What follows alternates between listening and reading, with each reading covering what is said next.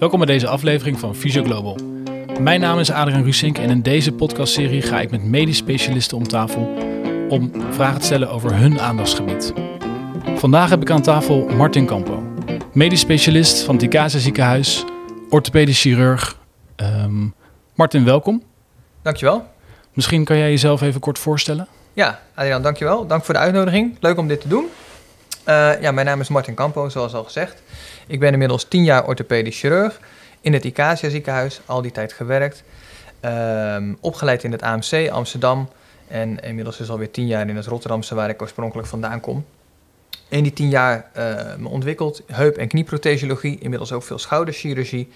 En de laatste vijf jaar eigenlijk bezig geweest met de ontwikkeling van uh, de voorste benadering van de totale heupprothese.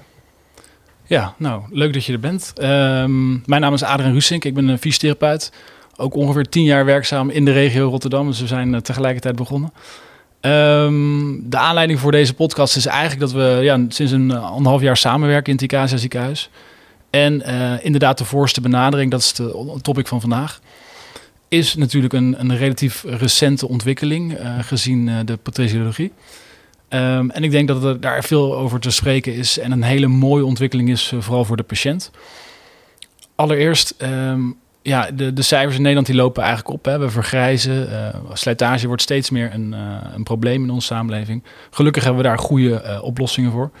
Um, wat zijn de cijfers, weet je die toevallig? Wat, wat, hoeveel wordt er geopereerd in Nederland en, en in, in het ICASIA hier? Ja, het is lastig om exact te zeggen met, met het afgelopen coronajaar natuurlijk. Maar we hebben wel landelijke cijfers. We hebben landelijk ook een, grote database waarin alle orthopedische implantaten geregistreerd worden. Dus een verplicht iets. Um, elk implantaat wat geplaatst wordt, heup, knie, schouder, enkel, uh, wordt geregistreerd en wordt bijgehouden. Zodat uh, outliers gevonden kunnen worden en de levensduur van die implantaten geregistreerd wordt. Um, in um, 2020 zijn er alsnog ongeveer 43.000 heupen geplaatst in Nederland. In het ICASIA lopen we dat jaar iets achter door de corona. maar wij zitten gemiddeld op rond de 300, 350 heupprotheses op jaarbasis. En dat neemt toe. Ja, precies. Eigenlijk zien we dat die, die getallen, als het gaat zoals je zou verwachten en de zorg wordt niet stopgezet, dan, dan zien we die aantallen groeien. Ja, zeker. Um, nou zijn er, je noemde het in je, in je, inleiding eigenlijk al een beetje van, hè, je bent je toe gaan spitsen op de voorste benadering. Er zijn er volgens mij grofweg drie. De voorste, de zijwaartse en de achterste. Misschien kan je kort eventjes toelichten wat de verschillen zijn van de techniek van opereren. Ja, klopt. Um, van oudsher zijn er inderdaad drie, drie benaderingen. Um, de voorste benadering is in dat opzicht, we denken allemaal dat het heel nieuw is, maar dat is het eigenlijk niet. Um, van oudsher meest voorkomend is de achterste benadering. Je komt dan inderdaad van achter op het femur aan, zo moet je het eigenlijk zien. De patiënt ligt in zijligging. En het grootste voordeel van de achterste benadering is dat je een enorm goede exposure hebt van je anatomie. Je femur kun je goed zien, je acetabulum kun je goed zien. Je hebt een groot werkveld en je kunt eigenlijk alle kanten op uh, verlengen ook als je dat nodig mocht hebben. Als je problemen hebt, er breekt iets, er gaat iets kapot, je kunt alle kanten op, je hebt heel veel vrijheid. Nadeel van de achterste benadering is dat je uh, de korte exorotatoren van de heup los moet maken om er te komen. En uh, nee, dat weten we allemaal, die zijn belangrijk voor je, voor je proprioceptie, maar ook voor je exorotatiekracht en dus ook voor de stabiliteit van de heup. En uh, geleden waren de cijfers wel zo dat een, een benadering van de heup makkelijker luxeerde. Inmiddels ja, weten we waar we op moeten letten.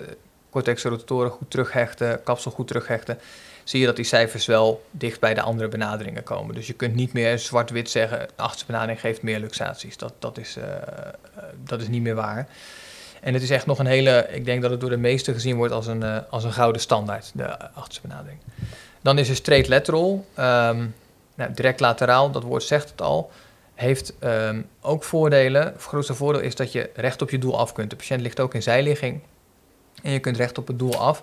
Dus dat maakt de benadering heel clean, snel um, en ook met een goede exposure. Het nadeel is dat je door de gluteus medius heen gaat. Uh, een van de grootste abductoren van, de, uh, van, van het been. En als je dus onzorgvuldig werkt, te grof werkt of toch uh, meer losmaakt dan je zou willen, of mensen hebben al een zwakke gluteusfunctie, dan krijgen die mensen een Trendelenburg-gang. En, um, of een Trendelenburg en een Duchenne-gang. Waarbij dat uiteindelijk wel bijna altijd herstelt, maar dat duurt eindeloos lang. Sommige mensen zijn een jaar daarmee bezig of voordat ze weer een normaal gangpatroon hebben en niet snel vermoeid worden aan die heup. Ehm, dus dat is daarvan het nadeel. En eigenlijk recent is die voorste benadering dus in uh, ontwikkeling gekomen. Eigenlijk doordat er de laatste jaren een ontwikkeling in de prothese is gekomen, waarbij de protheses minder bulky zijn geworden. En een beetje gecurved als het ware, waardoor je ze onder een hoek in kunt brengen in het femur. En want dat is lang het probleem geweest. Bij de voorste benadering heb je uh, de minste exposure eigenlijk van alle benaderingen. Uh, en die is ook nog een keer het lastigst, omdat je uh, de patiënt in rugligging hebt. En je, je hebt gewoon een kleine werkveld, minder exposure van met name het femur. Het acetabulum kom je goed bij. Maar het femur krijg je geen rechte prothese in. En met de komst van de gebogen protheses kunnen we dus, ja, kun je onder een hoekje het femur in. En dat maakt het dat het mogelijk is bij aanhalingstekens alle patiënten. En het grote voordeel van de voorste benadering is dat je in een, echt in een anatomisch vlak werkt. De benadering is, eh, wat ik zei, die is eigenlijk al heel lang bekend. Het is een anatomisch vlak tussen, uh, tussen de gluteaalmusculatuur en de, en, de, en de tensor. Sorry, dat is niet waar. Je gaat tussen de tensor door, langs de tensor heen. En dat is een anatomisch vlak, waardoor je eigenlijk direct op de heup valt en je dus geen musculaire schade hebt en geen neurogene schade. En dat maakt dat de patiënten, in ieder geval in theorie, en dat blijkt in de praktijk ook, weinig proprioceptiesverlies, weinig uh, uh, spierverlies. Mensen kunnen snel staan, hebben snel um, uh, een goede controle over het been en ook relatief weinig pijn. Dus mensen kunnen snel, een, um, ja, snel herstellen en dat gaat ook heel vlot met relatief weinig pijn. Um, grappig om te weten is als je grote studies pakt, waarbij je kijkt een jaar na dato, alle heupen en je gooit ze op een hoop, dan zie je eigenlijk geen verschillen tussen de benaderingen. Oké. Dat, dat, zijn geclusterde data, maar dan nog. Ja. Dus de ontwikkeling is eigenlijk in gang gezet door uh, de, de, de, fabrikanten die, uh, die een andere prothese hebben gecreëerd. En door de, door de, de aanvliegroute is het voor de patiënt eigenlijk makkelijker herstellen in de eerste fase. Ja. En dat maakt het uh, een populaire keuze, denk ik, onder, onder veel mensen. Ja, ik weet niet of je kunt zeggen dat de fabrikanten het gecreëerd hebben, maar ze hebben het in ieder geval wel mogelijk gemaakt. En of dat bewust of onbewust gedaan is, is, is een tweede vraag. Ja. Oké, okay, ja. duidelijk. Want deze uh, ontwikkeling, ik ben, uh, we zijn allebei ongeveer tien jaar geleden dus begonnen, zoals ja. we net benoemden. Ik kan me nog herinneren dat toen ik net begon in de praktijk, dat ik nog geen voorste benadering zag in Nederland. Nee, ik ken het ook in die zin niet vanuit mijn opleiding. Excuses. Um, mij is het dus, uh, volgens mij is het een ontwikkeling die uiteindelijk vanuit, vanuit de Scandinavische landen is gekomen, durf ik niet helemaal zeker te zeggen. Aanvankelijk in de Haagse regio geadopteerd. Um, en dat is als het ware als een beetje een olievlek over orthopedisch Nederland uitgespreid. Je ziet het overigens in Europa ook wel en je ziet het wisselend in, in landen wel of niet populair zijn. Dus dat is, het is ook, ja, er zit wel een soort modeverschijnsel aan vast, denk ik. Um, aan de andere kant, ik denk de voordelen die we allemaal wel zien, er ook echt wel zijn. Dus ja, vandaar. Nou, in het ziekenhuis hier zien wij dus, dus ook. En dan valt inderdaad wel te zien dat deze mensen ietsjes uh, makkelijker opstarten. Ja. Nou is het zo dat het dus tien jaar geleden, toen je, toen je klaar was met je opleiding, was het nog niet heel erg breed gedragen in Nederland en steeds meer. Um, hoe doe jij, uh, hoe specialiseer je nou om deze operatie te kunnen? Want uh, als je hem niet vanuit je opleiding krijgt, dan zal je dus zelf nog werk moeten verzetten. Meestal betekent dat ook dat je uh, wat langer bezig bent met een operatie, kan ik me zo voorstellen. Hoe, hoe heb je de kennis opgedaan om dit nu wel te kunnen? Ja, klopt. Dat is een goede vraag. Ja, je kunt niet zomaar even wat gaan proberen op de patiënt. Dat spreekt voor zich inderdaad. Um, je, start bij de basis, je start bij de, bij de anatomie. Uh, meestal in een, in een anatomisch lab. Om te kijken van, hey, waar zitten mijn structuren? Hoe doe ik mijn benadering? Welke kanten kan ik op? Um, en, en wat zijn de problemen waar ik tegenaan loop?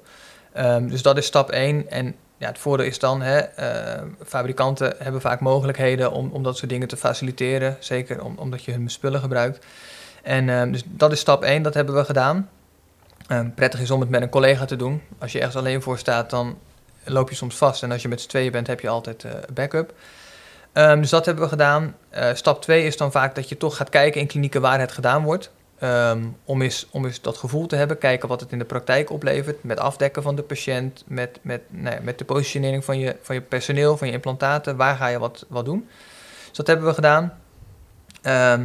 Ja, en stap, stap drie is dan, nadat je je goed genoeg uh, voelt, hè, daar een paar keer mee opereren, is dat je iemand vraagt om hiermee te komen opereren. Een collega dan die dat, uh, die dat uh, graag wil doen.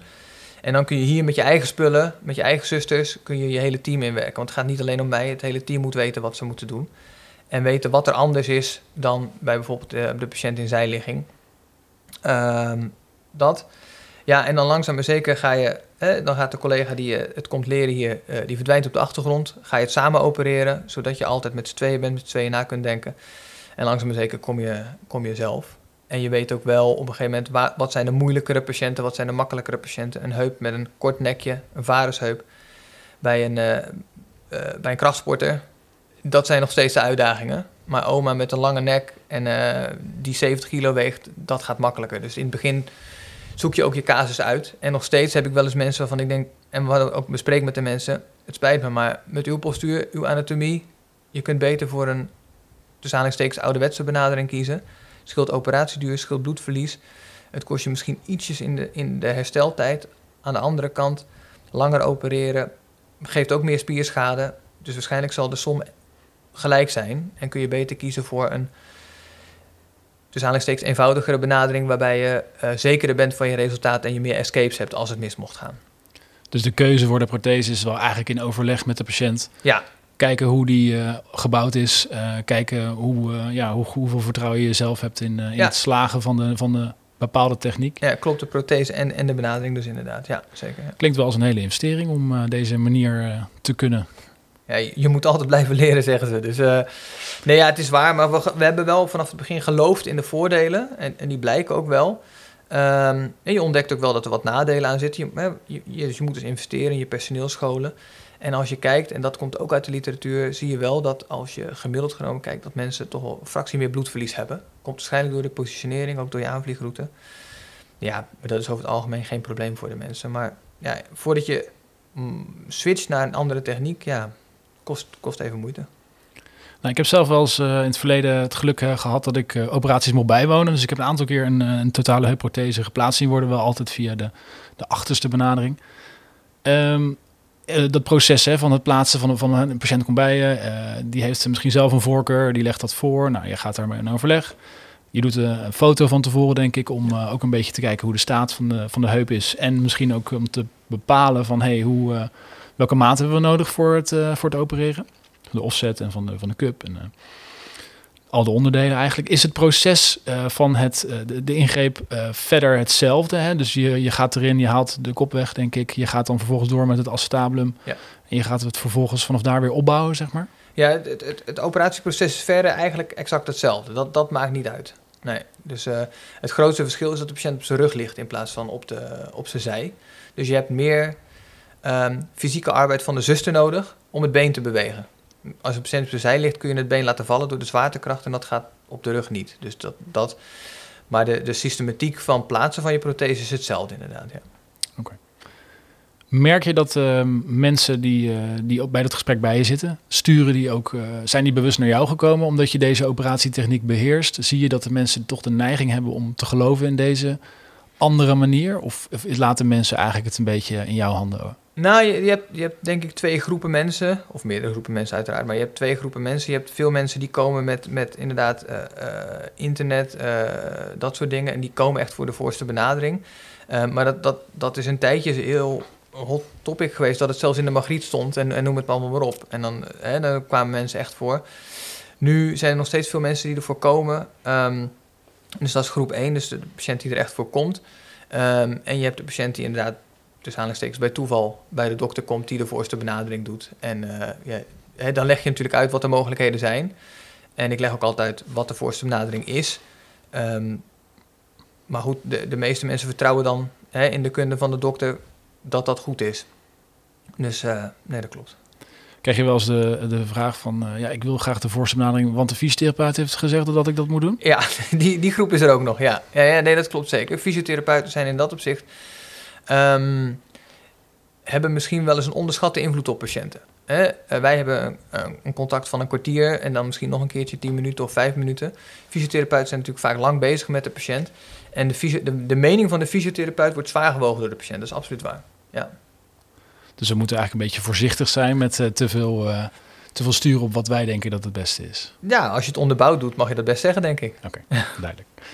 Um, nou, zoals ik al eerder benoemde, ik doe het, al een tijdje. En wat ik uh, in de korte tijd dat ik werk uh, lijkt, denk te zien, is dat um, protheses uh, tegenwoordig bij een iets jongere groep ook geplaatst worden.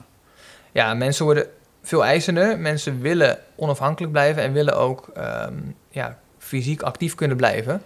En je merkt dat de, hoe zeg je dat, de, de tolerantie van mensen om beperkt te zijn, om pijn te lijden, ehm, dat die misschien wel ietsjes afneemt inderdaad. Mensen weten dat het kan, mensen weten dat het goed kan, dat de lange termijnsresultaten goed zijn en zeggen ja, ik ga niet nu nog drie jaar met pijn lopen, ik wil gewoon nu nog uh, of mijn werk kunnen doen, of mijn sport uit kunnen oefenen, of, of, of gewoon met mijn kleinkinderen kunnen spelen. Uh, het moet gewoon gebeuren. Ja, dat gesprek moet je aangaan met de patiënt. Je moet de voor- en nadelen natuurlijk bespreken. En uh, als, als je daar samen uitkomt, dan, dan heb ik daar geen bezwaar tegen om, om, om dat te doen voor de patiënt. Ja.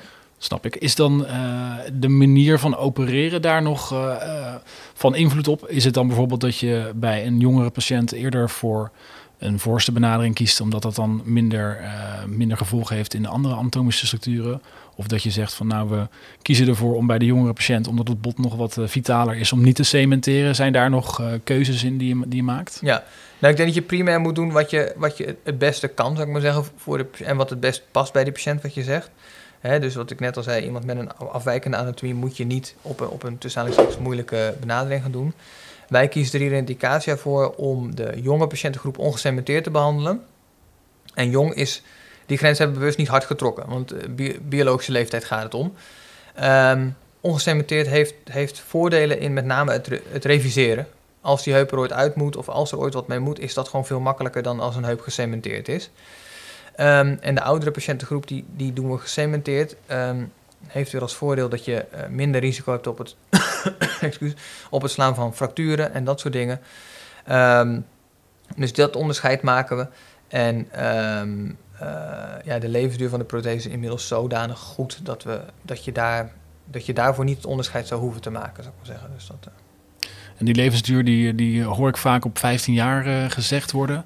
Ja, dat komt uit, uit, uit onze implantatenregistratie. Hè. Je ziet um, dat, en, en dat moeilijk, het moeilijke is altijd de levensduur van de implantaten waarvan we nu zeggen die gaat 15 jaar mee. Die zijn 15 jaar geleden geplaatst. Inmiddels is er een ontwikkeling, nou ja, benadering hebben we het net over gehad, maar ook de, ook de implantaten zijn weer veranderd. Het, het polyethyleen, de glijlaag van de prothese, is harder geworden. Waardoor, je, waardoor we eigenlijk willen extrapoleren en zeggen, ja, die heupprothese gaan waarschijnlijk wel 20 jaar mee ja, of dat zo is, dat blijkt over de komende, over de komende jaren. Dus uh, ja, die gegevens die we hebben, die zijn gewoon van de prothese van 15 jaar geleden. Dus ik denk dat het veilig is om te zeggen dat ze waarschijnlijk wel langer meegaan dan dat. Als het nou toch zo is dat, er, dat iemand na het plaatsen van de prothese weer last krijgt, is er dan een, een bepaald onderdeel wat vaak als eerste zeg maar, het begeeft? Is het dan de, de polyetheenlaag die, uh, die versleten raakt? Of is het iets wat loslaat? Ja, nee, kijk, uiteindelijk is het een mechanisch ding en het slijt. En dat leg ik ook altijd uit aan de mensen. Hè. Als u, als u uh, marathons gaat lopen, gaat hij minder lang mee dan wanneer u uh, uh, normaal beweegt. Um, maar het, het polyethyleen geeft slijpsel uiteindelijk. Dat slijpsel um, dat, dat zit in het gewricht, dat geeft een, een, een afweerreactie. En die afweerreactie zorgt er uiteindelijk voor dat je osteolyse krijgt, dus botoplossing rondom de prothese. En het, het, het, het vaakst aangedaan is dan de cup. die gaat loslaten. Um, en uiteindelijk volgt ook de stil en zit het geheel los. En daar is, daar is niet echt iets op te zeggen van het zal, dit, het zal eerder dit of eerder dat zijn. Maar in het verleden was dat inderdaad met name de cup. Um, ja, die faalt als eerste ja, en die kun je vervangen. Dus je zou alleen maar de, de kom kunnen vervangen? Ja, als de stil nog goed vast zit, ga je niet meer vervangen dan nodig. Nee, klopt. Ja. Er zijn veel mensen uh, zijn natuurlijk bang voor het opnieuw moeten opereren. Maar er is ook wel een grote groep mensen die we in de praktijk denk ik zien die bang zijn dat de, de heup uit de kom kan gaan na de operatie. Ja. Um, die cijfers die, die heb je eigenlijk net al een beetje uh, de revue laten passeren. Dat het eigenlijk nu niet zo heel veel meer uitmaakt welke techniek er gebruikt wordt. Um, en er is ook onderzoek gedaan in 2016, zeg ik uit mijn hoofd. Waarbij ze zijn gaan kijken van ja, die, uh, we zijn natuurlijk in het begin heel voorzichtig geweest om ja. mensen te waarschuwen van doe dit niet, doe dat niet. Uh, afhankelijk van de techniek van opereren. Um, en ja, je, je, uh, je denkt, denk, tijdens de operatie maak je denk ik uh, voor de voorste benadering een beweging zoals exorotatie en extensie om te kijken van blijft die prothese goed op zijn plek of is er toch te veel beweging in, dan, dan moet je denk ik terug om toch nog iets, uh, iets te veranderen. Um, hoe eh, hoe is het dan toch mogelijk dat het soms fout gaat als al die, al die voorzorgsmaatregelen er zijn? Waar, waar ligt dat dan aan? Is, is daar een, eh, is daar, het is een beetje een onpopulaire vraag misschien om aan te stellen. Maar... Wel een terechte vraag. Ehm, ja, ik denk dat er meerdere redenen zijn uh, waarom een heup uit de kom kan gaan. Um, wat, wat ook nog zo is, is dat we de laatste jaren steeds grotere koppen zijn gaan gebruiken. Hoe groter de kop, hoe stabieler de heup. Gewoon puur biomechanisch gezien. Um, Kijk, je, we blijven mensen en we plaatsen die protheses zo secuur mogelijk. Maar er kan altijd zijn dat je een bepaalde combinatie van hoeken hebt. Waarop die heup dus inderdaad, wat je zegt, hè, voorste benadering kan die naar voren uit. Achterste benadering gaat die makkelijk naar achteruit. Waarom, waarom dat gebeurt. Um, en zeker in het begin, um, welke benadering ook, je maakt het kapsel open. Um, dus, daar, dus die propriocepties ben je kwijt. En ook die uh, stabiliteit ben je kwijt. En dat is die eerste weken gewoon nog niet teruggegroeid. Dus als je op wat voor manier ja, een bijzondere beweging maakt. En dat kan een diepe flexiebeweging zijn met de knieën bij elkaar of, of nou ja, verzin iets. Ja, dan kun je die heup dus luxeren. Ja, en puur uh, operatietechnisch inderdaad wat je zegt. Hè, dus de, de, de, plaatsing van de prothese, maar je kunt ook te weinig spanning hebben op je weken delen. Uh, dus dat je het kopje te kort maakt. Vaak zie je dat wel. En daarin zit een tweede voordeel van die voorste benadering. Omdat je weet hoe het met de beenlengte zit, die kun je goed testen. Weet je ook van, goh, ik zit goed met mijn spanning. Of ik zit juist niet goed met mijn spanning. Of ik moet iets meer doen. Um, maar ja, het blijft in die zin mensenwerk en een combinatie tussen de patiënt en de dokter. En de, de eerlijkheid gebied, als je een patiënt hebt die de salingstekens niet vertrouwt, kies je voor wat meer spanning. Dat je wat meer zekerheid hebt dat hij niet uit de kom gaat. Ten koste van, laten we zeggen, een half centimeter toename in beenlengte. Maar niet het luxeren voor de patiënt. Want dat onderschatten wij, denk ik. Een prothese die luxeert is voor een patiënt echt een, een, een nou, bijna een soort traumatisch event natuurlijk. Dat is ineens iets wat niet goed gaat en wat het vertrouwen van die patiënten in hun, in hun lijf wel echt enorm hard onderuit haalt. Ja, dat snap ik. Um, nou zijn er dus ook uh, ziekenhuizen die, naar aanleiding van het onderzoek wat ik net aanhaal, uh, al begonnen zijn met geen instructies meer geven over bewegingen die niet zouden mogen. Um, dat doen we hier niet. Maar ja. wat, wat, hoe denk jij daarover? Dus het zal een grijs gebied zijn. Um, ik denk, um, nou ja, hoe toevallig hebben we dan gisteren een, een Poolse man hier geopereerd. Die, die begrijpt het Nederlands heel matig. En die loopt vanochtend zonder krukken over de afdeling. En het gaat. Um, is het verstandig? Weet ik niet. Ik vraag me af wat de belasting voor de patiënt is om zes weken uh, na te denken bij wat je doet. En ik toch een klein beetje voorzichtig zijn als je daarmee, al is het maar één op de 100 luxaties voorkomt. Uh, wat ik net zei, die zo'n luxatie is echt ja, uh, een belasting voor de patiënt. Nee, voor, voor het systeem natuurlijk ook. Hij moet weer terug. Het is een extra opname voor die patiënt. Ja, wat is dan die zes weken waarin je tegen die patiënt zegt van let een klein beetje op bij wat je doet. Als je daarbij een aantal luxaties voorkomt. Ik denk dat dat een kleine prijs is die we moeten betalen. Um, kijk, en we, zijn niet, we zeggen niet meer, je mag niet bukken, je mag niet dit, je mag niet dat. Maar ho, let erop als je je schoenen aantrekt, dat je niet je knie tot je neus trekt. Die eerste zes weken. Uh, let erop als je die bukt, dat je niet heel wild dat doet en probeer het erbij na te denken. Dan ben je al een heel end, denk ik. Dus, uh, ja, dus het zal kunnen, maar je loopt er een risico mee. Als je echt niks meer zegt tegen de patiënt. Ja. ja, precies. Dus er blijft altijd wel een stukje uitleg uh, ja. belangrijk. En, uh, is relevant, ja. Zeker, oké. Okay. Als je uh, kijkt naar die opstartfase, hè, dat is natuurlijk ook de, waar de grootste risico's liggen natuurlijk. Ja. Hoe, hoe, beter de wond genezen is, des te, des te stabieler het allemaal is, denk ik. Ja. Um, maar die voorste benadering die laat in het begin gewoon iets meer toe. Ja. En je ziet dan ook um, collega's wel eens wat, wat sneller dingen afbouwen. Bijvoorbeeld mensen na, niet na zes weken van de kruk afhalen, maar na drie weken. Ja. Hoe, hoe, wat, wat, wat, wat, wat is jouw, jouw blik daarop als, als collega's of, uh, of fysiotherapeuten daarvoor kiezen? Als ze denken van, nou, dezegene die beweegt goed, heeft geen pijn, uh, geen echt afwijkend gangbeeld meer. Ja, nou moet kunnen wat mij betreft hoor. Kijk, ik denk dat uh, SEC het belastend met krukken lopen heeft met name te maken met, met, uh, met je osseointegratie van je prothese. Hè? Kijk, een gecementeerde prothese zit vast, punt. Dus die, of je daar nu wel of niet het volledige lichaamsgewicht op zet, prima, maakt niet uit. Een ongecementeerde steel die heeft een aantal weken nodig voordat hij vastgroeit. En maar als die goed klem zit en je hebt hem goed geplaatst, ja, dan kan hij prima het gewicht van de patiënt uh, hebben. En dan kan zo'n patiënt inderdaad dus theoretisch zonder krukken lopen. Ik denk dat de krukken veel meer um, uh, toch ook een herinnering voor de patiënt zijn van goh, let erop dat je niks bijzonders doet, let erop dat je netjes loopt, let erop, et cetera. Dus de krukken kunnen wat mij betreft snel, sneller weg. Uh, maar dan moet die patiënt nog steeds wel een klein geheugensteuntje hebben van let op, let op de bijzondere bewegingen. Want als, als een heup sec bij het lopen luxeert, ja, dan hebben we een probleem ergens in, in, in de keten. Dan, dan is er iets niet goed. Ja. Nou, iemand komt dus bij de fysiotherapeut na de operatie, uh, gaat hartstikke goed. Uh, wat, wat verwacht uh, de orthopeet eigenlijk nog van, van de fysiotherapeut in die fase na de operatie? Ehm, patiënten komen natuurlijk vaak nog terug op een controlemoment, op ja. een foto. Als alles goed gaat, is dan, volstaat dan geen bericht is goed bericht? Of zou je toch altijd graag een terugkoppeling willen? Ja, ik denk, ik denk dat dat... Nou ja, je raakt daar denk ik een, een, een gevoelige snaar in ons gezondheidssysteem. Misschien wel heel zwaar gezegd.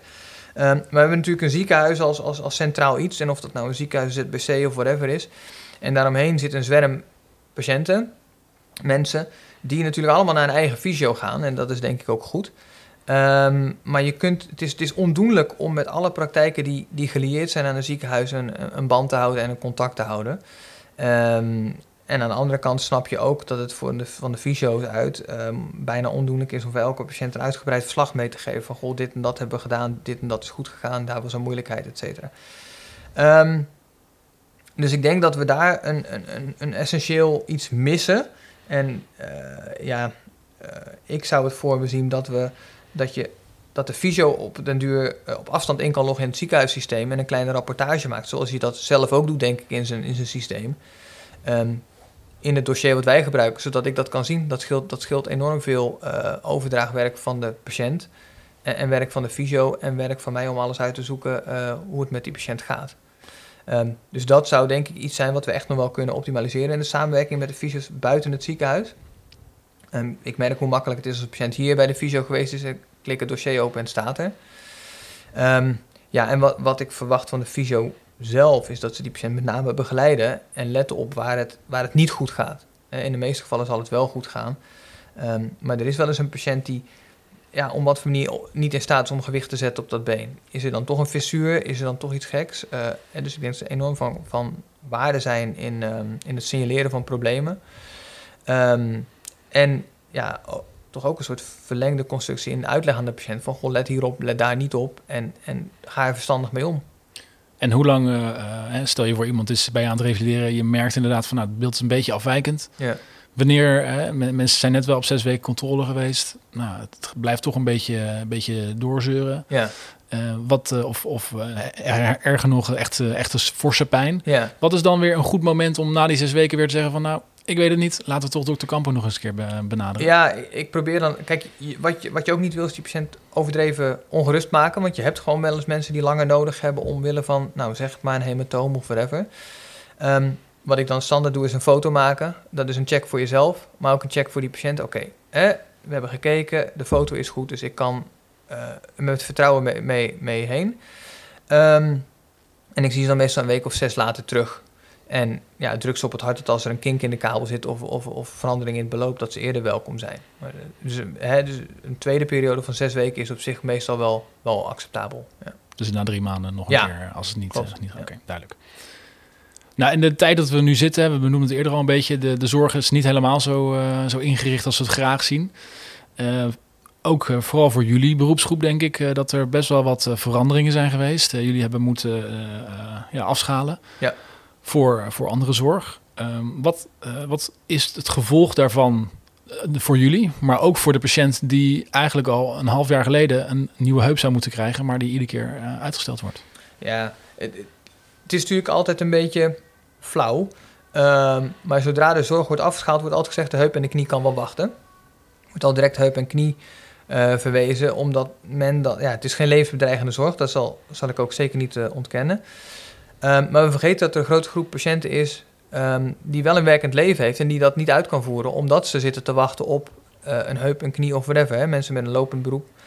Um, ja, die mensen worden vergeten en ja, die mensen zijn de dupe, denk ik. En kijk, wij, uh, ja, voor ons heeft het voor gevolg dat je minder werk hebt, maar goed, wij kunnen ons inspannen op de COVID-afdelingen. Ja, daar, heb je toch uh, je, je, je hoe heet dat, je commitment. Um, maar de wachtlijsten lopen op, dat is, dat, is, dat is één op één het gevolg. Dat zie je nu ook nog steeds. En die, die hebben we denk ik ook niet, niet over een half jaar weg, landelijk gezien. Hè? Los van een ziekenhuis, maar landelijk gezien zijn die wachtlijsten oplopend. En um, de orthopedische zorg die dus al toenemend, vraag die dus al toenemend is, die heeft nog een extra stap erbovenop gekregen om dit, om dit allemaal weer weg te gaan werken. Ja, Zal want- duren. Ja, dat, eh, dat snap ik. En omdat mensen, omdat die lang, eh, wacht, wachtlijsten langer gaan duren, mensen kunnen steeds minder gaan bewegen door het, eh, ja, het toenemen van de last natuurlijk al bij de klacht. Maar ook omdat dingen worden eh, gesloten. Eh, nou is volgens mij het meest recente cijfer dat de helft van de Nederlanders ook nog eens overgewicht heeft. Ja. Dat zal in deze tijd natuurlijk zeker niet, niet afnemen. Voorzie jij daar nog problemen in? Dat je denkt van ja, we gaan, de- we gaan wel weer iets meer moeten leunen naar die oude manier van opereren, omdat we zo meteen een groep krijgen die zo matig is en misschien zo, zo gegroeid is.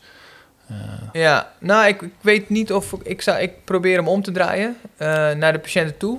Ehm, ik vind dat de patiënt zelf ook gemotiveerd mag en moet zijn eh, voordat hij geopereerd kan worden. Die leg ik ook altijd uit. Als je te zwaar bent, heb je gewoon meer kans op complicaties, infecties, noem het allemaal maar uit. Noem het allemaal maar op.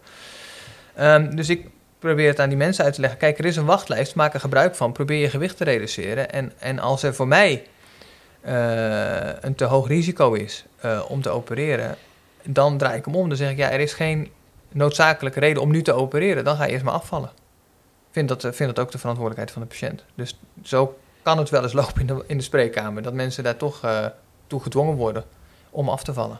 nou, dat is misschien ook weer iets waar de fysiotherapeuten eh, aan bij kunnen dragen. Als Nou het, ja, eh, in dat conservatieve traject zeker. Weet je? En, en dan ben je ook zeker van belang als motivator voor die patiënt. Ehm, eh, better in, better out. Hè. Ze, zijn, ze hebben betere conditie, ze hebben een hoge HB, ze kunnen meer aan, ze zijn beter qua spierkracht. Dus ze zijn er daad- daadwerkelijk beter vanaf als ze dan uiteindelijk geopereerd worden. Duidelijk. Wat is, eh, wat is jouw verwachting ten opzichte van, eh, van die verhouding tussen, tussen de operatiemanieren voor de toekomst? Hè? Verwacht je dan dat het eh, aantal orthopeden in Nederland die kundig is in deze manier van opereren gaat groeien en daarmee een verschuiving door blijft zetten van, eh, van achter naar voor, zeg maar? En zijn er nog andere dingen die jij aan de horizon ziet, ziet opkomen dat je denkt van nou, dat kan ook nog wel eens interessant zijn voor in de toekomst? Ja, nou kijk, wat je nu ziet is dat in de opleidingscentra ook de voorste benadering steeds meer onderwezen wordt.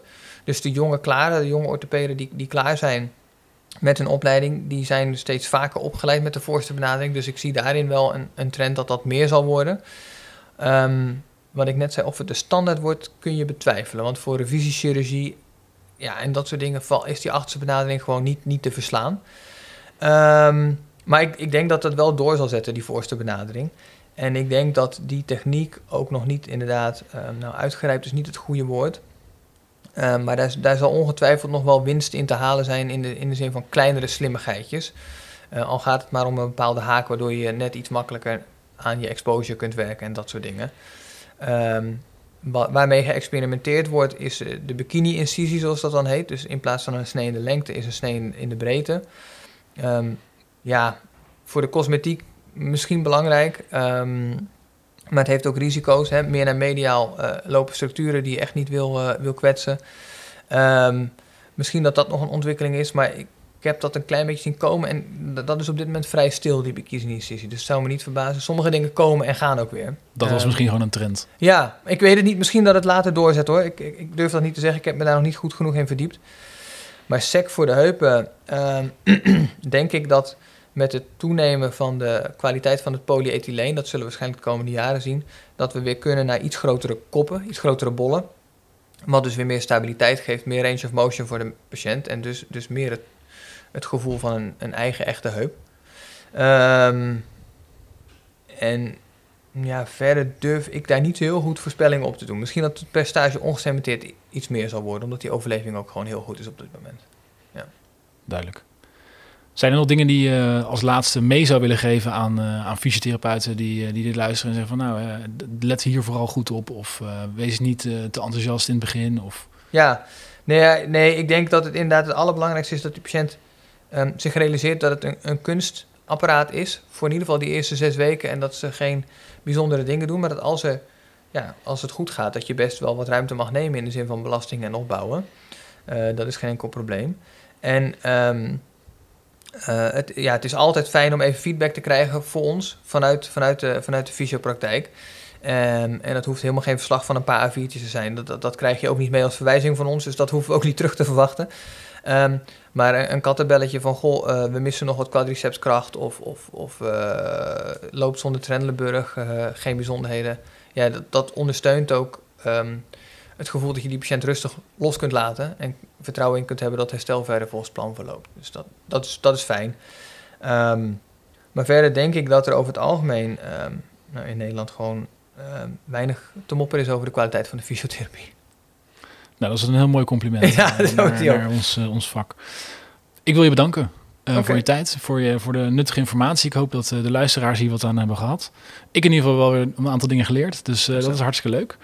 Um, ja, voor informatie kunnen we denk ik het beste verwijzen naar de Icasia-website als ze meer over jou willen weten. Of ja, zijn er nog andere dingen die... Nee, de Icasia-website, Zorg voor Beweging-website van de NOV is natuurlijk ook een heel belangrijke, waar heel veel informatie op staat. Echt aantallen van de protheses, dat is de, die website is openbaar. Dat is LROI, Landelijke Registratie Orthopedische Implantaten.